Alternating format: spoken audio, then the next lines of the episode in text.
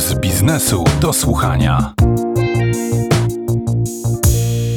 Bartek Ciołkowski, szef Mastercarda w Polsce, który od wielu lat patronuje rankingowi Złoty Bankier, uważa, że po pandemii świat będzie bardziej hybrydowy. Co jeszcze zmieni COVID?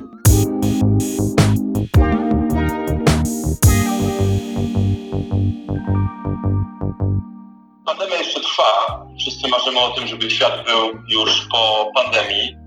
Ja myślę, że mam nadzieję, że będziemy mieli większe zaufanie do technologii. Widzimy teraz, jak szczepionka pomaga. Są już kraje Izraela, o którym się bardzo dużo mówiło, gdzie zniesiono właśnie obowiązek noszenia maseczek przez to, że tyle osób e, zostało zaszczepionych. Szczepionka to nic innego jak technologia, także mam nadzieję, że ta technologia, która ratuje życie, też spowoduje zwiększenie zaufania. Kolejna sprawa to na pewno będzie bardziej cyfrowa.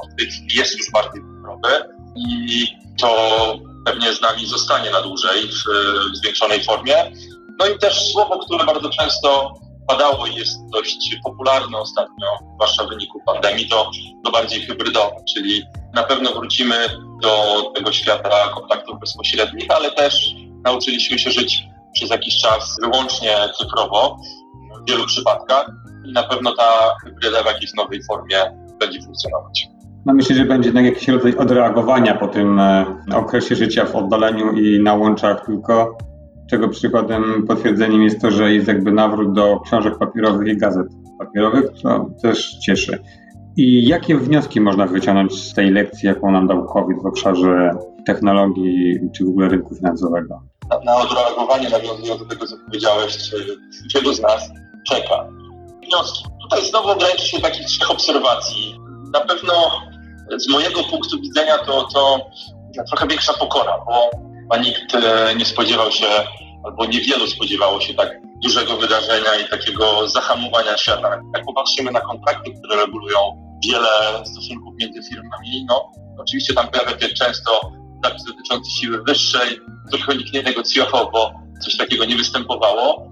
A myślę, że teraz e, te zabezpieczenia na e, różne wypadki, których doświadczyliśmy ostatnio, na pewno trochę, zwłaszcza w takich ustaleniach bilateralnych się nasilą. Ale pokora, czyli to, że jednak e, rzeczy, które oby się nie działy, ale mogą gdzieś tam masowo występować, są możliwe. Na pewno zdobycze czwartej rewolucji technologicznej pomogły nam przetrwać. Pomimo tego zatrzymania, mimo utrudnień, w wielu branżach, nie we wszystkich niestety, ale w wielu branżach, no, cyfryzacja i internet szeroko pojęty, kontakt zdalny, cała gospodarka oparta właśnie o te zdobycze technologii, no, mogły funkcjonować. Także to jest taki wniosek, który no, w czwartej rewolucji, którą właściwie znamy od niewielu lat, to jest XXI wiek, nawet powiedzmy druga dekada, kiedy określiliśmy sobie, że ten przełom następuje, a tak szybko był w stanie nam pomóc funkcjonować. I to na pewno będzie się nasilało, czyli korzyści płynące z są tutaj absolutnie na plus. I warto inwestować w technologię. To ostatni wniosek. Ci, którzy robili to wcześniej, ci, którzy byli przygotowani do e, bazowania na technologii, na pewno najwięcej skorzystali podczas tego trudnego okresu. Warto popatrzeć na ceny spółek technologicznych albo opartych o technologię, albo właśnie nowej generacji, które są związane z technologią, no bo oczywiście to bardzo mocno ich tutaj finansowo i w wycenach przeskalowało. Albo gamingowych. Na przykład, tak, to też ten sektor.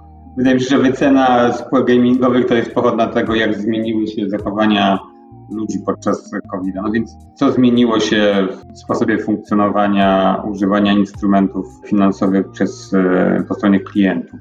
No jest dużo ciekawych obserwacji. Mamy badanie takie Banking Evolution stare, które Mastercard przeprowadził pod koniec zeszłego roku, czyli dość świeże i już oczywiście bardzo mocno dotyczy okresu pandemii, które jest dużo dobrych wniosków. 96% z nas, czyli Polaków, pozytywnie jest nastawionych do cyfryzacji, czyli do tego, co się z cyfryzacją wiąże.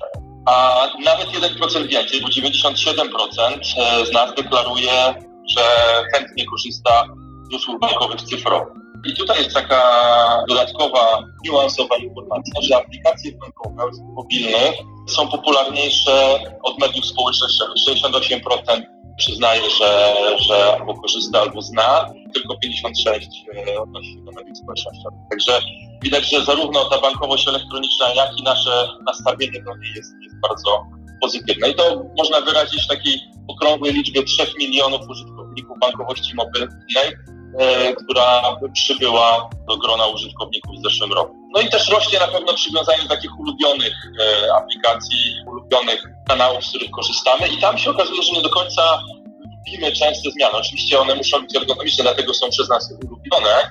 Muszą mieć ten tak zwany UX bardzo dobry, natomiast jeżeli on jest już bardzo dobry, jest tak postrzegany, to niekoniecznie cieszymy się z zachodzących tam Czy widzisz jakieś zmiany, które występują w bankach? Rozmawiałem z trzema prezesami zwycięskich banków w rankingu Złoty Bankier i o tym właśnie, co zmieniło się. I wiesz, odniosłem takie wrażenie, że poza tym, że były te zmiany techniczne, typu przeniesienie call center i rozproszenie go po całej Polsce, czy serwerów do, mm, do domów prywatnych i spadł ruch w ogóle to naturalne w sieci, to mam wrażenie, że jakby takich przełomowych zmian w bankach nie ma. Z drugiej strony, wiesz, spojrzałem na statystyki takie najprostsze, typu zatrudnienie, liczebność oddziałów w sieci i tutaj zmiany są jednak dosyć, dosyć istotne, czyli widać jakieś nasilenie się pewnych trendów bankowości. Jak ty to postrzegasz?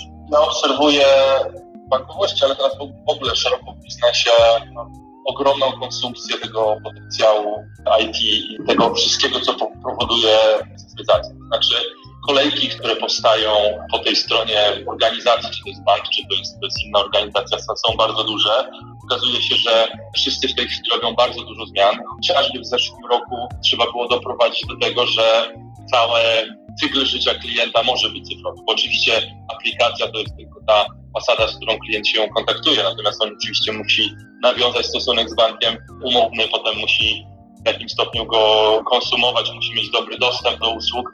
To wszystko wiąże się z takimi elementami kontaktu cyfrowego i to jest ogromny development, to jest ogromna zmiana, która, która musiała się dziać. Oczywiście w szczegółach, w niuansach, bo możemy mnożyć też potem rodzaje klientów, czy to SMI, czy klient indywidualny, korporacyjny i tak dalej. Także ja widzę, że ta potrzeba tych zmian i te kolejki, które potrzeby spowodowały, są bardzo duże. W tej chwili trudno powiedzieć sobie tak z dnia na dzień, że okej, mamy dobry pomysł jutro go robimy. Po prostu musimy zapisać się do kolejki i powiedzieć, że mamy miejsce na przykład w przyszłym roku o drugim kwartale albo w trzecim, bo tych potrzeb jest naprawdę bardzo dużo. Także to chyba też powoduje to, to, to co ja obserwuję, to jest duża koncentracja na, na technologii próba ułożenia tak procesów wewnętrznie, mówi się dużo o chmurze, mówi się dużo o outsourcingu, żeby zoptymalizować właśnie możliwość e, prowadzenia tych zmian na, na jak najszybszy. To ostatnie pytanie, trochę z innej beczki, ale dotyczące płatności, mianowicie pojawił się nowy element w dyskursie o użytkowaniu, używaniu instrumentów płatniczych, mianowicie NBP w szczególności podnosi kwestię ochrony tego obrotu gotówkowego. I jak to oceniasz? To mamy dość e, ugruntowany pogląd od wielu lat i on mniej więcej zmierza do tego, że klient powinien mieć wybór, klient powinien z jednej strony mieć możliwość zapłacenia gotówką i to jest dla mnie oczywiste, z drugiej strony powinien mieć taką samą możliwość zapłacenia elektronicznie i to powinien być na końcu wybór nasz, czyli osoby, która płaci, jak chce zapłacić. Z jednej strony powinna móc zapłacić gotówką, z drugiej strony powinna móc zapłacić elektronicznie. I o, oczywiście widać bardzo duży trend, przyspieszony też przez pandemię, migracji do kanałów elektronicznych, ale to są nasze indywidualne wybory. My do tego nie jesteśmy w żaden sposób zmuszani. Tutaj bardzo fajnie wpisała się fundacja, która w porozumieniu z Ministerstwem Finansów i w ogóle Ministerstwem Rozwoju prowadzi tą szeroką kampanię instalacji urządzeń, które umożliwiają przyjmowanie płatności elektronicznych. Na, na, na końcu z mojej strony jeszcze raz podsumuję, to powinien być wybór konsumenta albo osoby płacącej, a my powinniśmy zrobić wszystko, żeby ta osoba mogła wybierać, to znaczy mieć i taką, i taką. Bardzo dziękuję za tę rozmowę. Moim gościem był Bartosz Ciłkowski, szef e, Mastercarda w Polsce. Dziękuję bardzo.